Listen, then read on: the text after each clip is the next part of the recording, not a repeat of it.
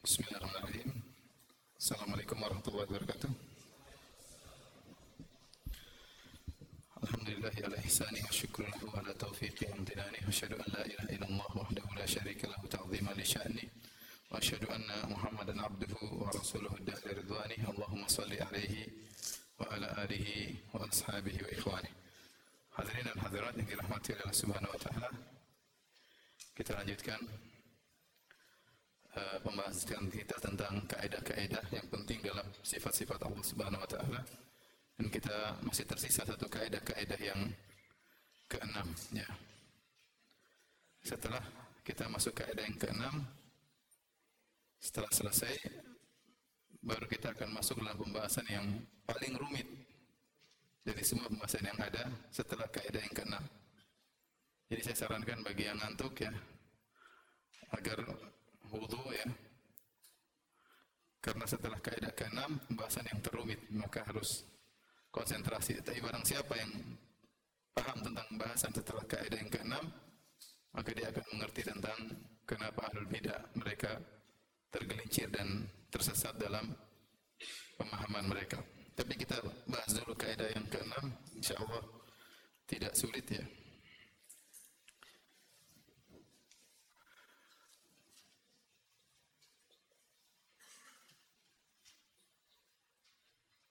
Kaidah keenam yaitu zawahiru nusus sifat ma'lumatan lana bi'tibar bi'tibaril ma'na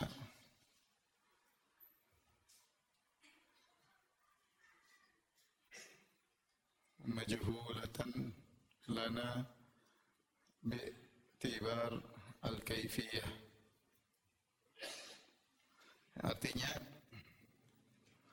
zahir dari nas-nas sifat dalil-dalil sifat tentang sifat.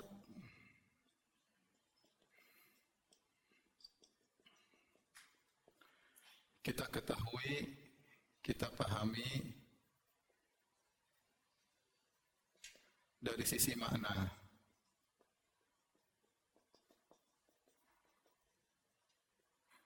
Namun majhul tidak kita ketahui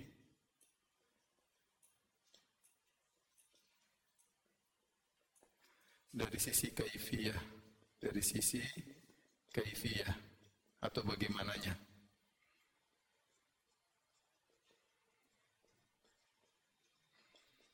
Ini kaidah yang sangat agung ya bahwasanya zahir nusus sifat semua dalil tentang sifat-sifat Allah dari sisi makna kita paham.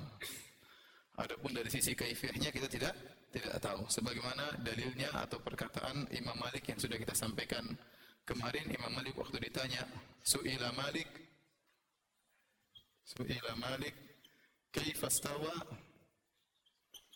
Bagaimana istiwa? Kata Imam Malik, al-istiwa'u ma'lum wal kaifu majhul wal imanu bihi wajib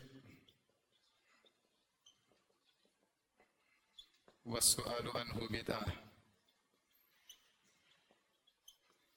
Kata Imam Malik waktu ditanya tentang istiwa, beliau berkata, istiwa itu maklum, diketahui. Diketahui makna maksudnya. Diketahui apa? Mak maknanya.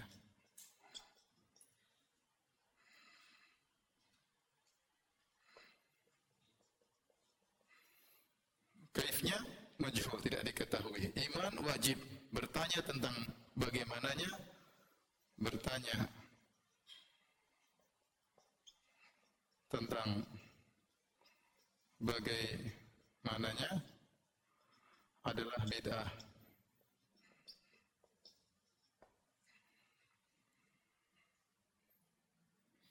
Tidak kita. Gitu. Baik. Uh, di depan kita ada tiga madhab. Bagaimana madhabun nas ya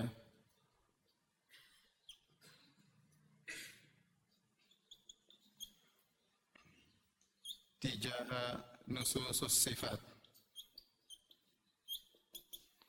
bagaimana madhab-madhab kelompok-kelompok ya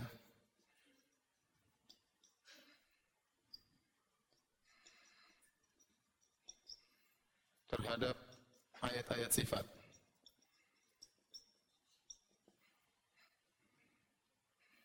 Maka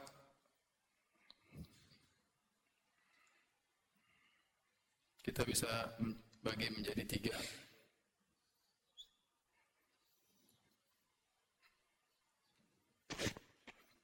Ahlu tajhil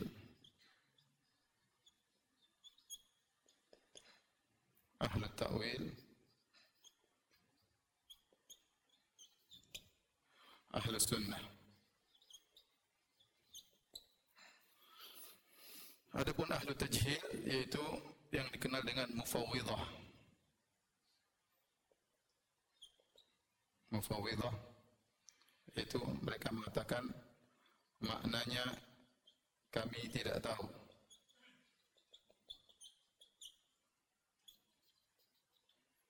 Akan tetapi zahirnya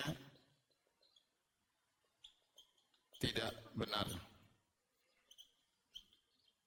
Artinya tidak boleh beriman dengan zahirnya. Satunya ahlu ta'wil yaitu al-mu'awwilah. Ya, mereka mengatakan zahirnya. Batil. Sehingga harus ditakwil.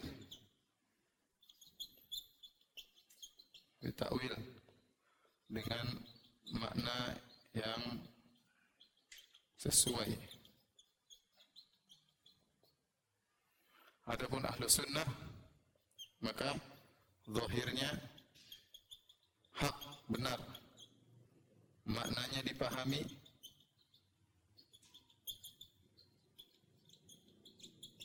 Kaifiahnya tidak diketahui.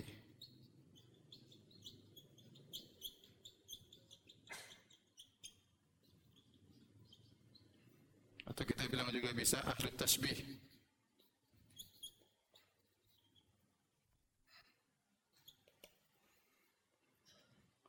Zahirnya benar dan maknanya serta kaifiyahnya diketahui kita ketahui Tapi ini ada beberapa model kelompok dalam menghadapi nas-nas sifat. Saya kasih contoh sederhana praktek ya. Jadi mereka menghadapi ayat-ayat sifat ya. Ayat sifat banyak. Seperti tangan, seperti wajah, ya, e, seperti melihat, mendengar dan yang lainnya. Maka ada empat madhab. Tasbih al tasbih mengatakan ya tangan Allah seperti tangan kita. Kita paham makna dan Allah berbicara dengan kita yang kita pahami. Berarti tangan Allah seperti tangan kita. Ini al tasbih al sunnah kita paham tangan kita paham wajah kita paham zat kita paham tapi bagaimananya kita tidak tahu. Kita tidak tahu bagaimananya zat tidak tahu bagaimananya tangan Allah tidak tahu bagaimana wajah Allah. Paham Adapun ahlu tajhil, mufawwidah, mereka mengatakan kita nggak tahu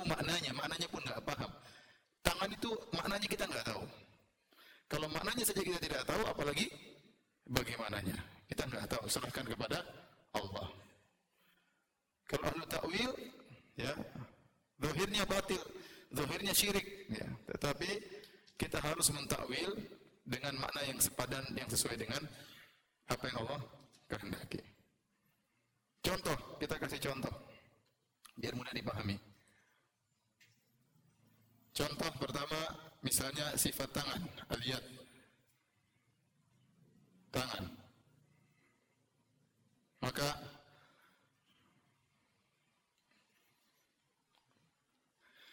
kalau menurut ahlu tasbih apa? Tangan Allah sama dengan tangan manusia. Kalau menurut ahlu takwil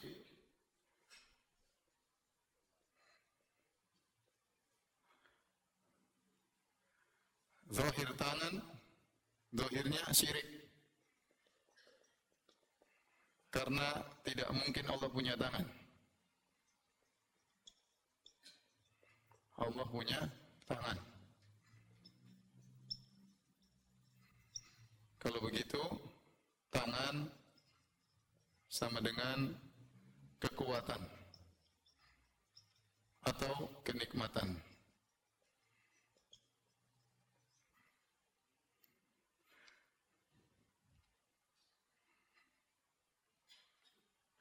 Kalau ahlu sunnah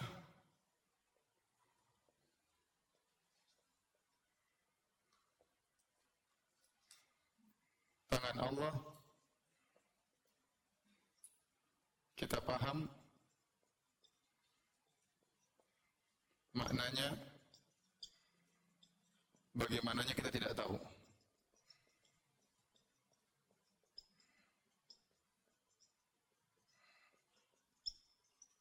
Yang jelas tangan Allah tidak sama dengan tangan manusia.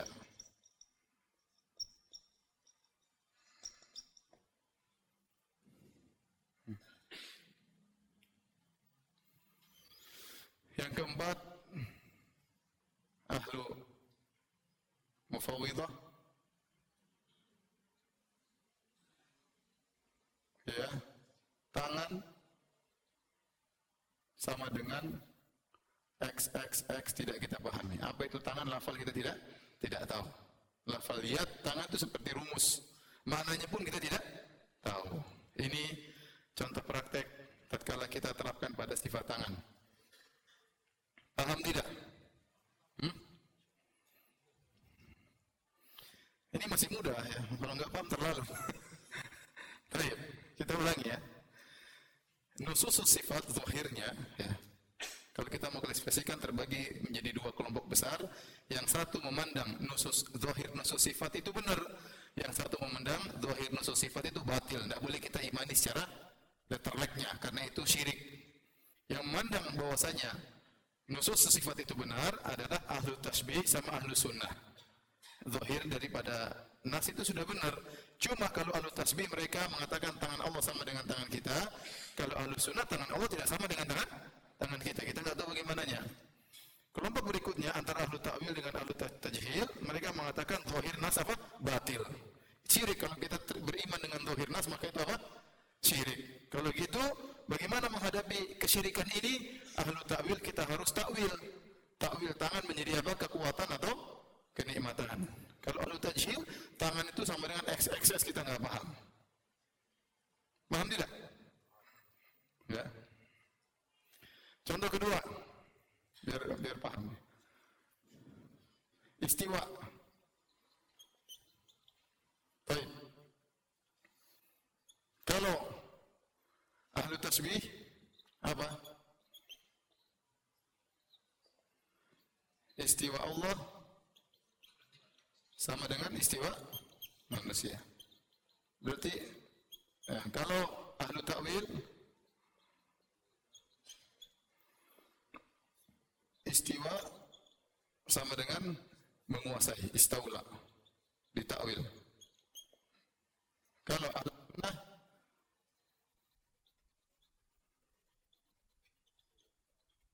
istiwa maknanya diketahui istiwa sama dengan di atas ala wartafa kaifiyahnya tidak tahu.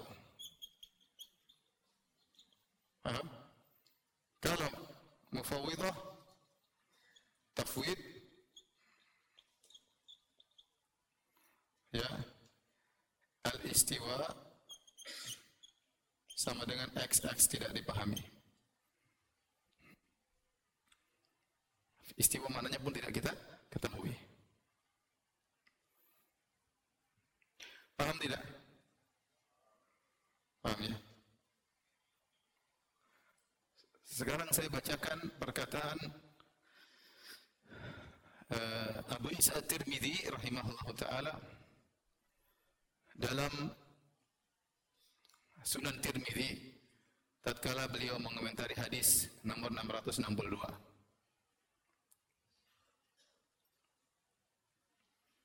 Perhatikan dulu sini. Catatannya sebentar.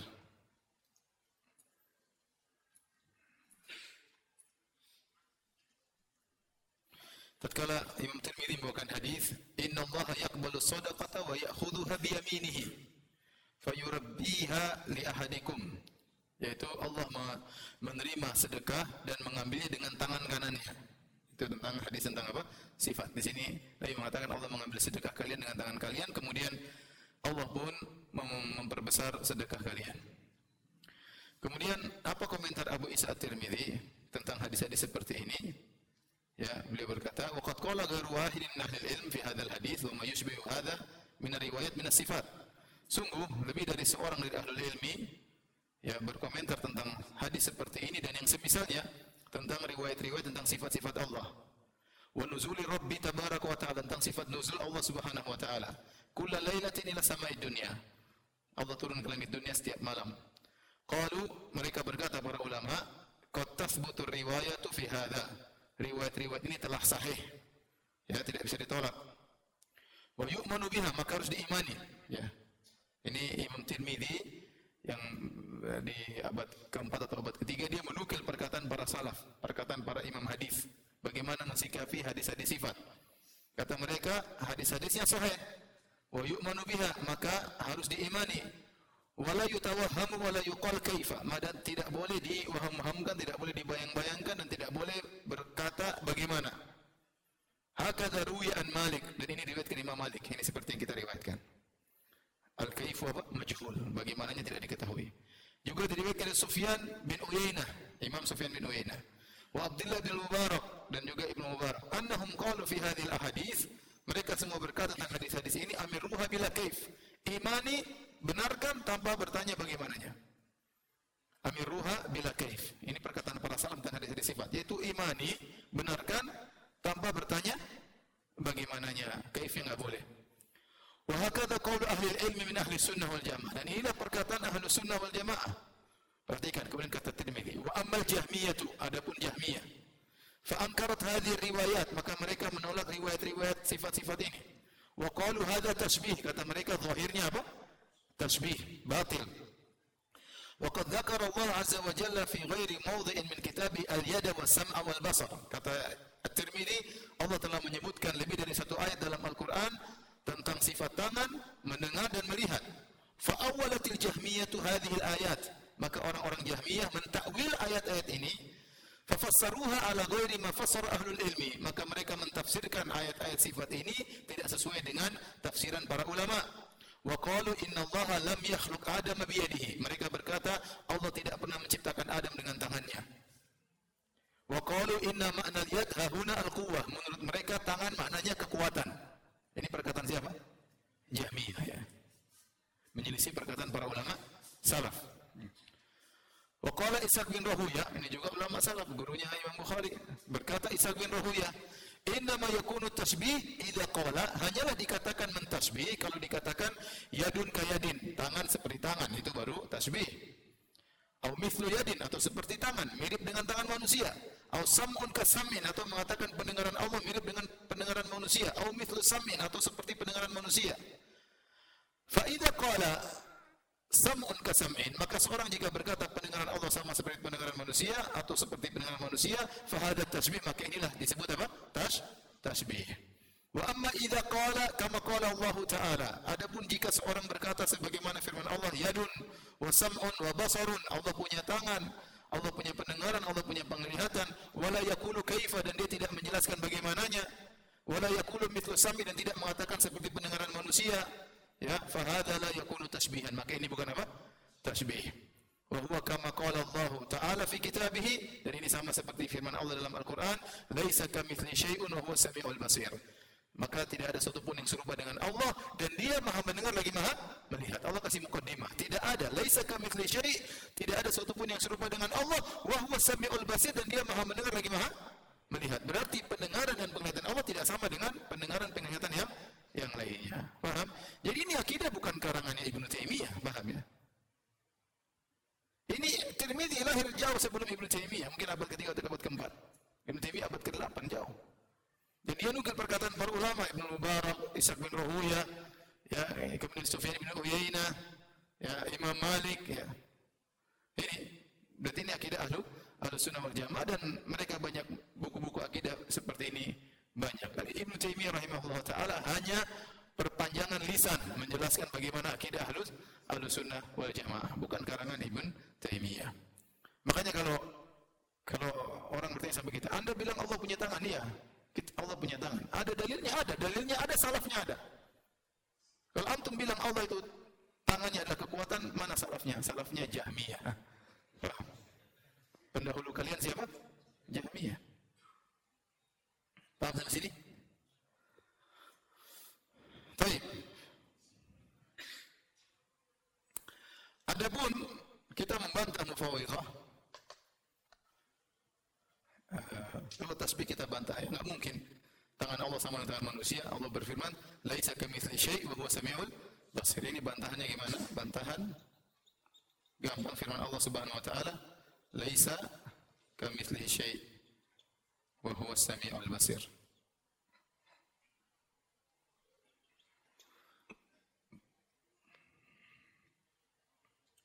Kalau istiwa artinya menguasai, ya kita bilang salah ya karena dalam Al-Qur'an Allah mengatakan ya summa stawa 'alal arsh dalam Al-Qur'an bantahan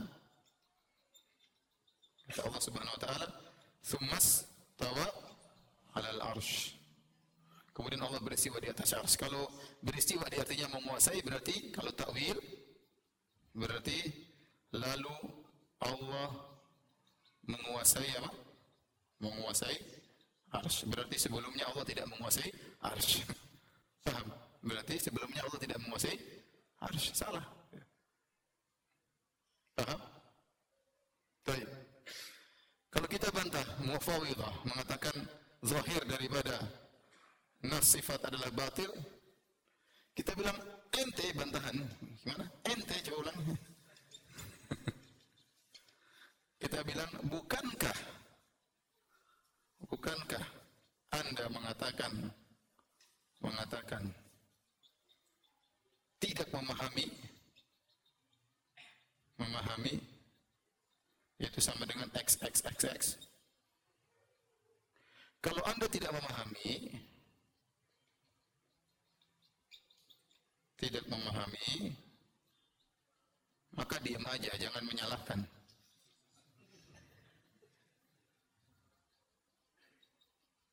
Karena yang boleh menyata, yang yang boleh menyalahkan yang tahu menyalahkan adalah yang tahu adalah yang tahu benarnya. Bukan sekedar yang tahu benarnya sederhana.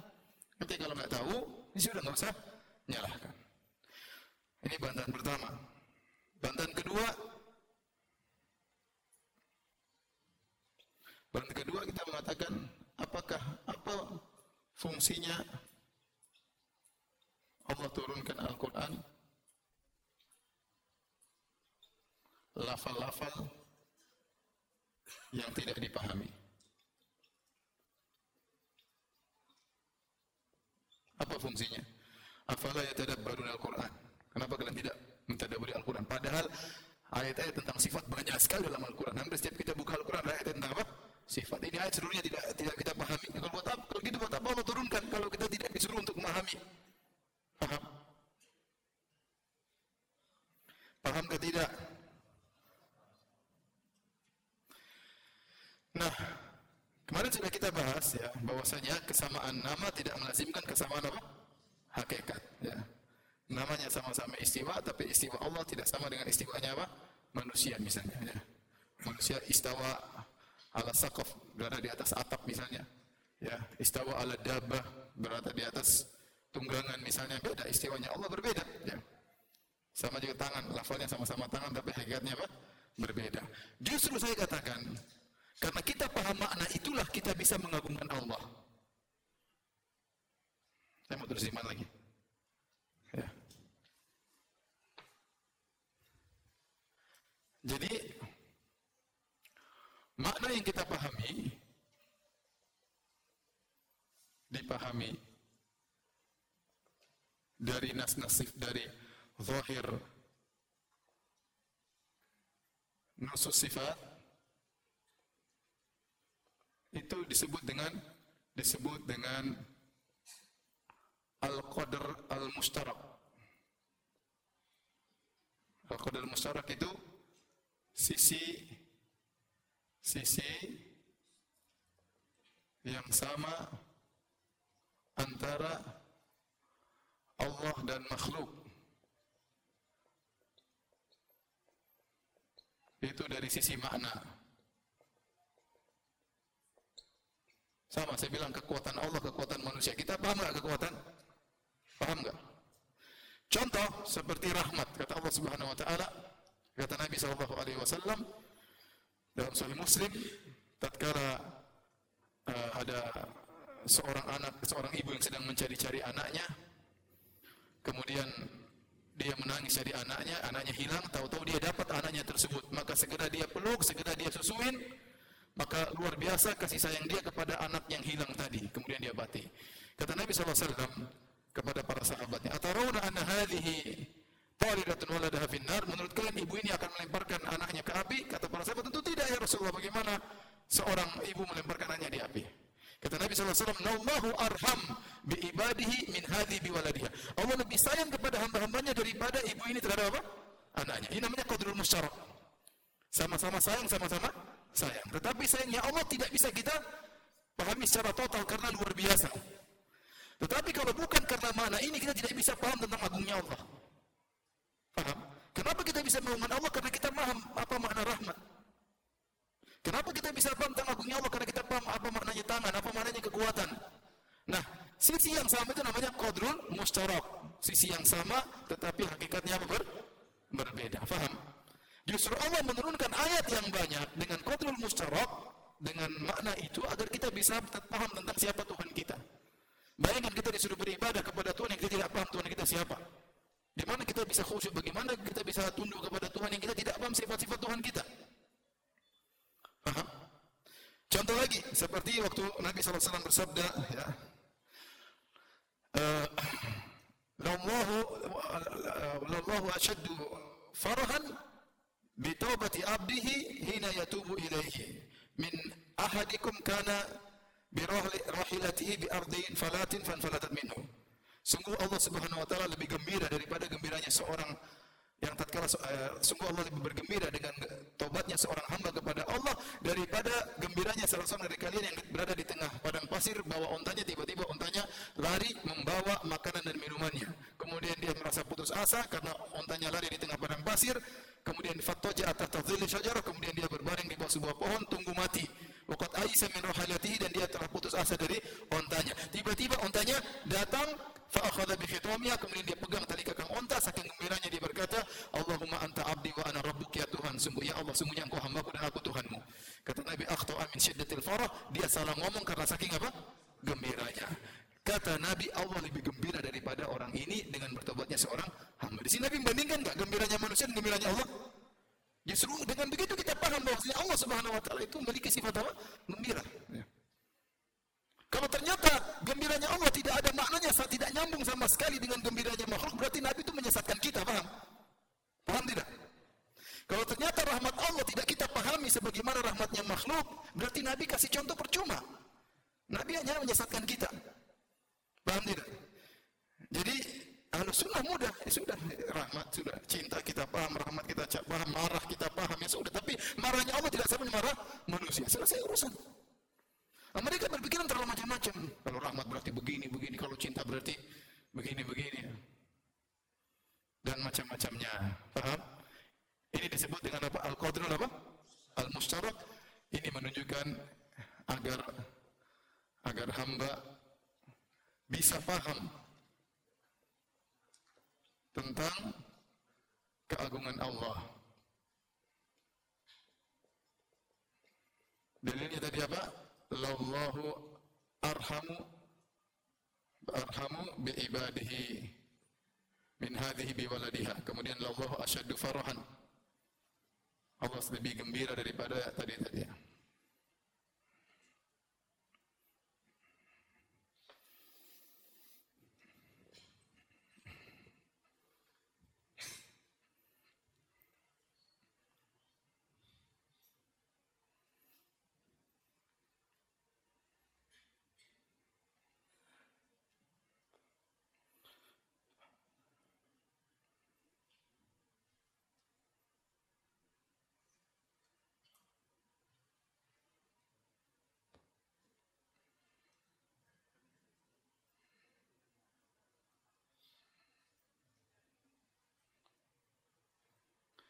Saya mau masuk pada pembahasan berikutnya, tapi saya ragu ya.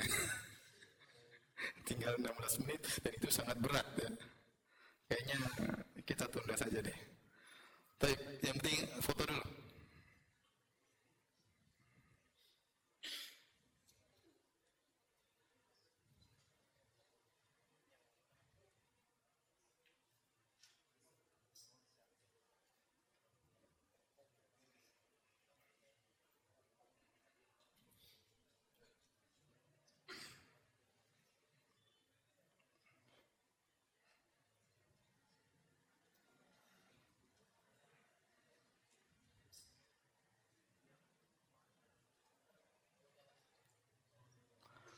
Taib.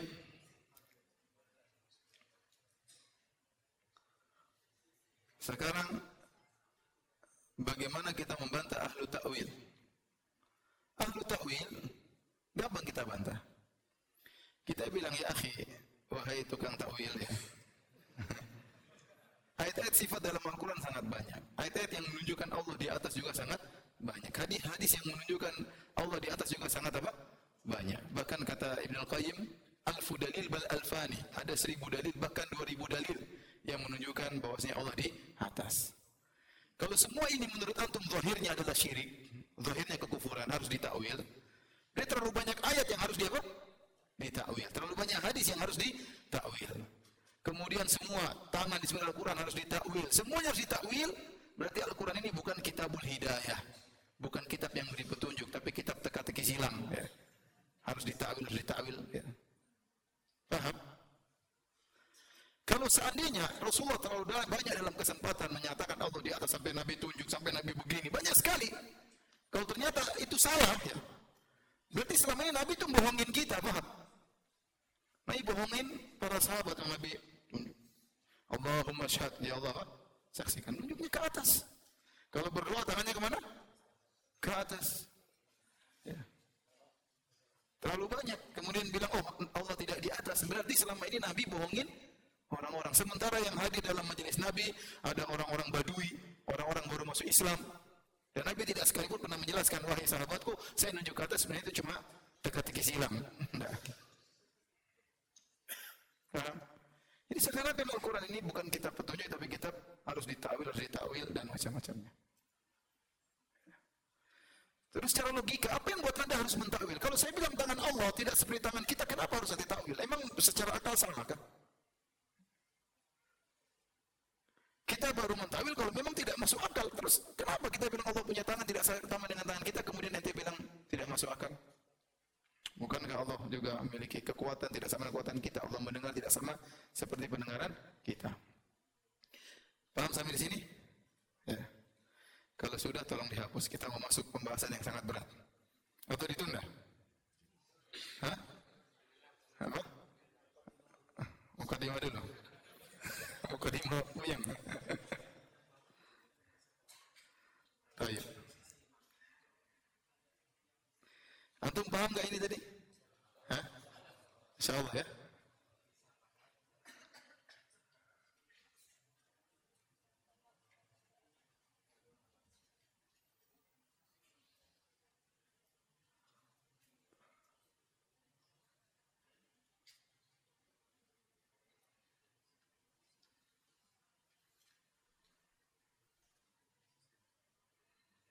Al-Imam Al-Bukhari dalam Khulu Afalil Ibad tatkala membahas tentang hadis di hari kiamat kelak fayunadihim ar-rabb bi sautin yasma'uhu Man ba'uda kama yasma'uhu man qarab.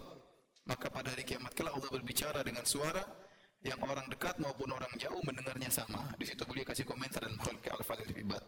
Kata beliau ini dalil bahwasanya suara Allah tidak sama dengan suara apa? makhluk.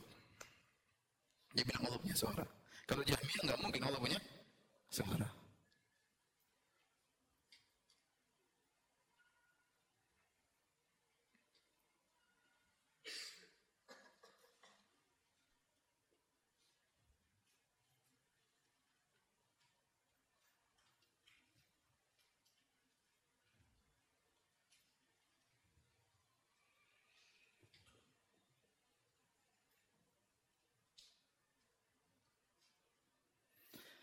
Baik, kita masuk pada pembahasan yang berat. Nanti kalau nggak paham kita ulangi lagi.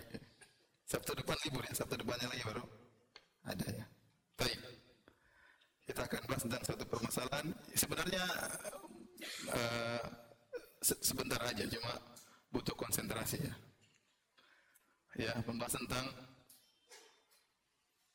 masalah kidamul alam tentang permasalahan azalinya atau kodimnya alam semesta. Dalam hal ini ada tiga madhab secara umum. Pertama adalah madhab al-falasifah ahli filsafat. Contohnya adalah Ibnu Sina, Al-Farabi, kemudian uh, Ibnu Rushd Al-Hafid.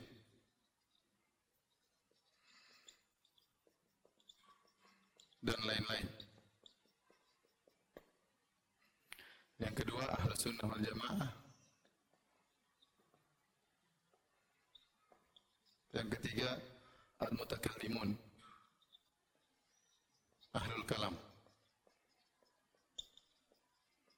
Dalam hal ini Jahmiyah, Mu'tazilah, Kullabiyah, Asyairah, dan Maturidiyah.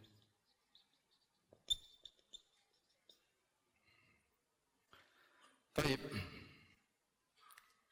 Jadi, apa pendapat ahli filsafat tentang masalah alam semesta?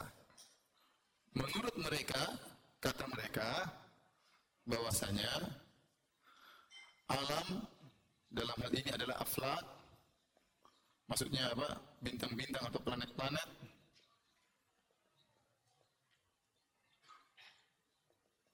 adalah azali sebagaimana Allah azali.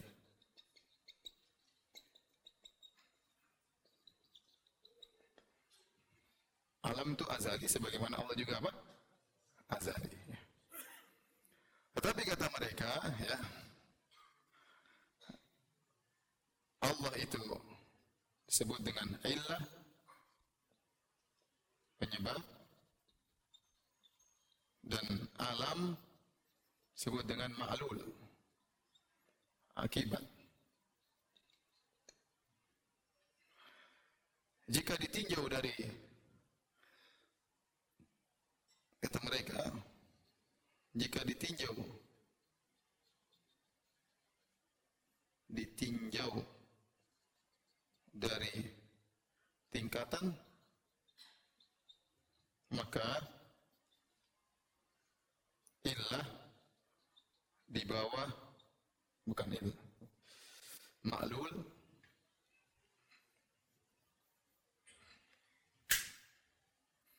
maka ma'lul yaitu akibat di bawah illah sebab namun jika ditinjau ditinjau dari zaman zaman maka illah dalam hal ini siapa Allah ya dan ma'lul dalam hal ini apa? Alam sama-sama azali.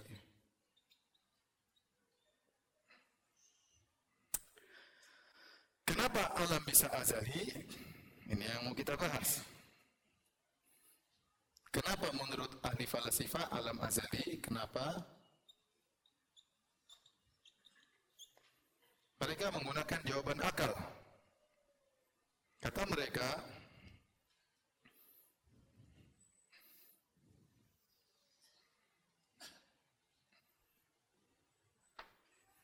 kata mereka, Allah adalah illah yang sempurna, illatun tammah. Illah tammah. Yang maklulnya ya, akibatnya tidak terlambat akan tetapi berbarengan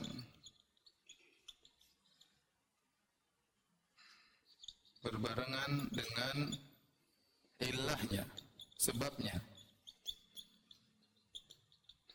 Seperti matahari dan cahayanya yang berbarengan. Ini syubhat ya. Ini syubhat bikin orang kafir ya. Ini syubhat bikin orang kafir. Ente percaya ini ente kafir, paham? Saya ulangi. Kenapa mereka mengatakan ini harus antum paham karena supaya setelah ini gampang. Ya. Kalau antum nggak pahami nanti repot. Ya. Sekarang kita paham syubhat dulu ya. Kita sudah, ente nggak usah percaya sama syubhat. Ente tahu bahwasanya alam itu belakangan ya nggak? Selesai. Ini semua filsafat omong kosong ya. Meskipun kelihatannya masuk akal, tapi ini semua apa omong? Omong kosong. Tapi kita ingin cerita omong kosong tersebut. Jadi kata mereka, Allah itu ilah. Ilah itu penyebab. Penyebab bisa menimbulkan apa? Akibat. Jika ilah tidak sempurna, akibatnya muncul belakangan. Lama ada ada jeda antara sebab dengan akibat. Tetapi jika ilahnya sempurna, saking sempurnanya sebabnya, akibatnya itu muncul bersama dengan apa? dengan ilahnya, dengan sebabnya. Paham? Karenanya, tatkala Allah itu sebabnya sempurna untuk menciptakan, maka makhluknya muncul bersamaan dengan apa? Ilahnya dengan Allah. Maka makhluk itu kodim. Sama-sama azali bersama Allah. Paham? Ingat, percaya ini kufur ya. Paham tidak? Paham ya? Kata mereka ibarat materi dengan cahaya. Materi dan cahaya itu hubungannya begitu ada matahari ada sinarnya. Tidak matahari dulu sinarnya belakangan. Tidak, tapi munculnya matahari, zat matahari bersama dengan apa? Sinarnya. Karena ini sempurna. Paham? Bagaimana bantahannya? Anda harus bantah sekarang. Kalau tidak bahaya ya. Bantahan. Sudah membantah. Uh, kita ahlu sunnah ini kita tinggal ahlu ada pun ahlu sunnah, ya, sunnah. Allah ya pencipta yang sempurna. Akan tetapi bagaimanapun ciptaan muncul setelah apa? Pencipta. Logikanya perbuatan tidak berbarengan uh, apa namanya? tidak berbarengan atau sebentar.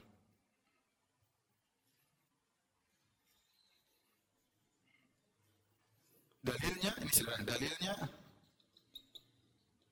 Allah berfirman idza arada syai'an an yaqula lahu idza arada syai'an an yakula lahu kun fayakun kun fayakun perhatikan di sini jika Allah mengendaki sesuatu Allah katakan jadi maka di sini ada fa jadi baru terjadilah. Berarti ada ada takkib. Allah kehendak dulu baru muncul. Ya. Berarti makhluk muncul setelah Allah cip, ciptakan. Berarti Allah dulu, baru kemudian makhluk belakangan. Dalam hadis, kan Allah walam yakun walam yakun syai'un ma'ahu. Sendirian.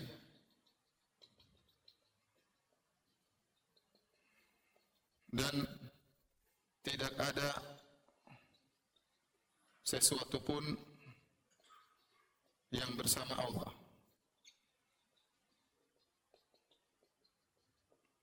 Ya tidak dalilnya dulu Allah sendirian tidak ada yang satu bersama Allah. Kemudian Allah menciptakan. Jadi makhluk pasti belakangan setelah pencipta. Enggak mungkin makhluk bersama dengan pencipta. Nah, bagaimana kita bantah orang falasifah? Bantahan terhadap falasifah.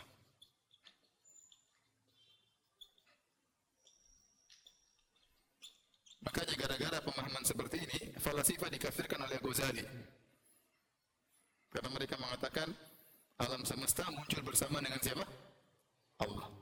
Paham? Bantahannya ya, kita mengatakan pertama kenyataan menunjukkan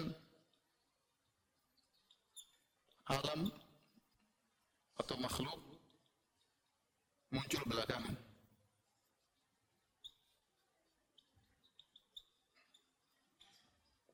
Karena seharusnya tidak dibedakan, tidak dikhususkan bintang-bintang. Bukankah kita ini semuanya maklulnya Allah, bukan kita cipta oleh Allah? Paham? Seharusnya sebagaimana bintang-bintang kodim, kita juga kodim dong. Paham? Paham tidak? Bukankah semua makhluk Allah adalah maklulnya Allah? Allah sebagai ilah pencipta dan makhluk semuanya apa? Maklul akibat. Nah, kenapa kalian falasifah hanya mengkhususkan bintang-bintang? Katakan kita semua juga harusnya apa? Kodim azali. Karena kita semua diciptakan oleh siapa? Allah Subhanahu wa taala. Paham?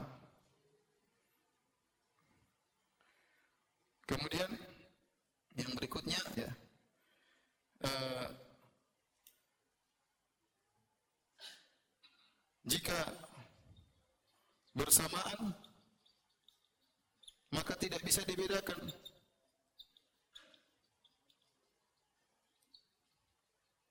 dibedakan antara antara illah dan ma'lul antara khalik dan makhluk antara sebab dan akibat jika sebab dan akibat bersamaan mana sebab mana akibat nggak ada yang ketahui Paham? saya ulangi jika tidak tidak bisa dibedakan antara sebab dan dan apa ah? akibat kalau muncul bersamaan mana sebab mana akibat nggak bisa dibedakan Mana pelaku, mana perbuatan tidak bisa dibedakan. Muncul bersamaan. Ya, bisa jadi ternyata Allah yang diciptakan oleh alam semesta. Iya kan? Bisa jadi. Dan tidak mungkin tidak bisa dibedakan antara ilah dan apa? Dan maklulnya. Adapun contoh matahari, adapun matahari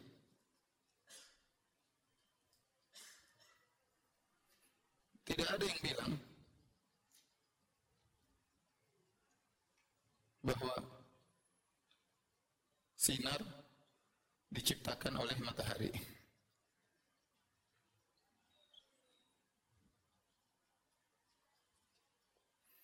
Tidak ada maksudnya matahari menciptakan sinarnya. Ya, tidak ada ya. Memang matahari diciptakan langsung sudah begitu ya. Ya. Bahwasanya matahari diciptakan berserta sinarnya. Dan kita bilang bisa jadi Allah ciptakan matahari dulu, baru Allah ciptakan apa? sinarnya belakangan. Bisa jadi semua terserah Allah. Itu pernah lihat matahari diciptakan, ini nggak pernah lihat juga. Baik, paham sampai sini? Intinya ini sesat ya. Azan kan? Ayo udah azan.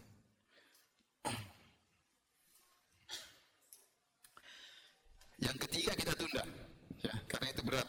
Tolong ini difoto, nanti sebelum kajian dua minggu lagi dilihat-lihat. Ya, dilihat-lihat sebelum masuk lagi kajian. Karena yang ketiga, bagaimana mutakalimin cukup cukup waktu yang panjang untuk bisa membahasnya. Tidak cukup sekarang.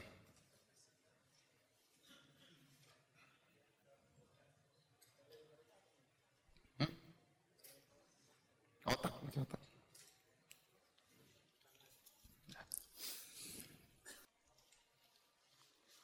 Tapi ini pertanyaan beberapa yang akan saya jawab. Yang pertama, yang pertama, apakah itu makna dari azali? Afwan, anda belum paham makna azali. Azali maksudnya qadim, maksudnya tanpa awal, tanpa awal. Kata orang Allah itu ada sebelum kata ada itu ada ya. Kata orang ya. Kata tukang filsafat. Jadi maksudnya tanpa dilalui dengan dengan uh, tidak ada. Itu namanya azali. Beda dengan manusia atau makhluk dahulunya Adam dahulunya tidak ada kemudian menjadi apa? Menjadi ada.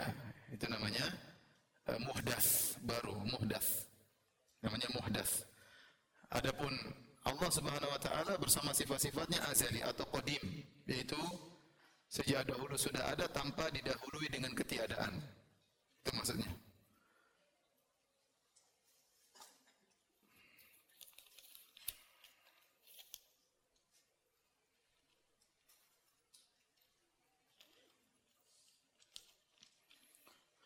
Ustaz kelompok-kelompok yang main nas-nas tentang sifat terbagi menjadi tiga atau empat. Ya empat. Ahlu tasbih, ahlu tajhil, ahlu ta'wil, ahlu sunnah. Ya jadi empat. Benar di akhwat tidak jelas tulisannya. Ya.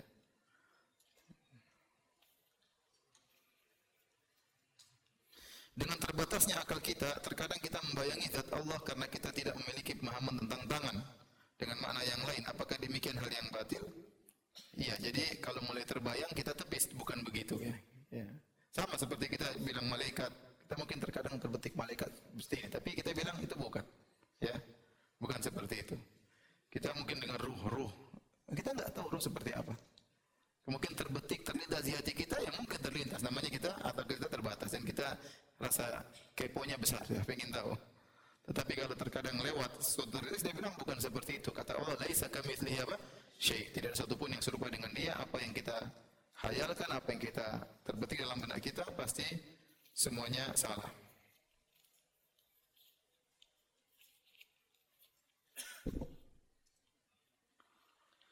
Ustaz, tolong mohon bantuan arahannya mengenai salah satu doktor dengan inisial ZA juru sehat Rasul.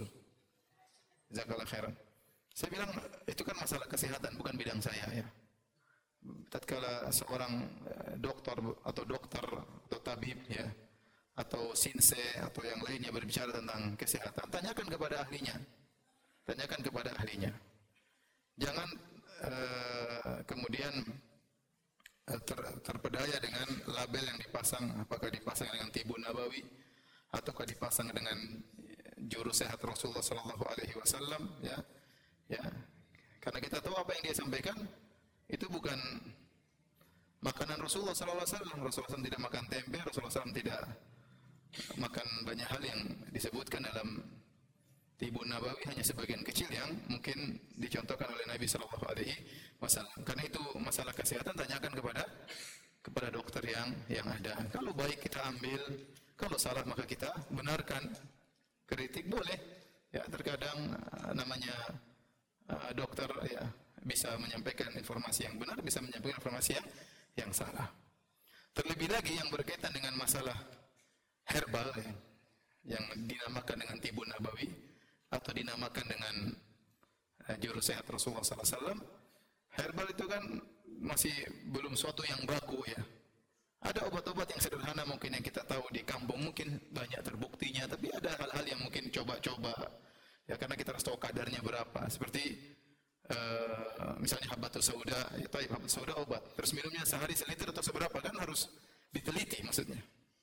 Ya, madu manfaat ya, tapi minumnya seberapa sehari untuk orang yang berat badan sekian, penyakitnya apa, dosisnya seberapa itu kan butuh apa? Butuh keahlian. Nah, kalau ilmu kedokteran modern semua sudah di apa? Diteliti takarnya berapa, bisa ada pembuktian secara ilmiah.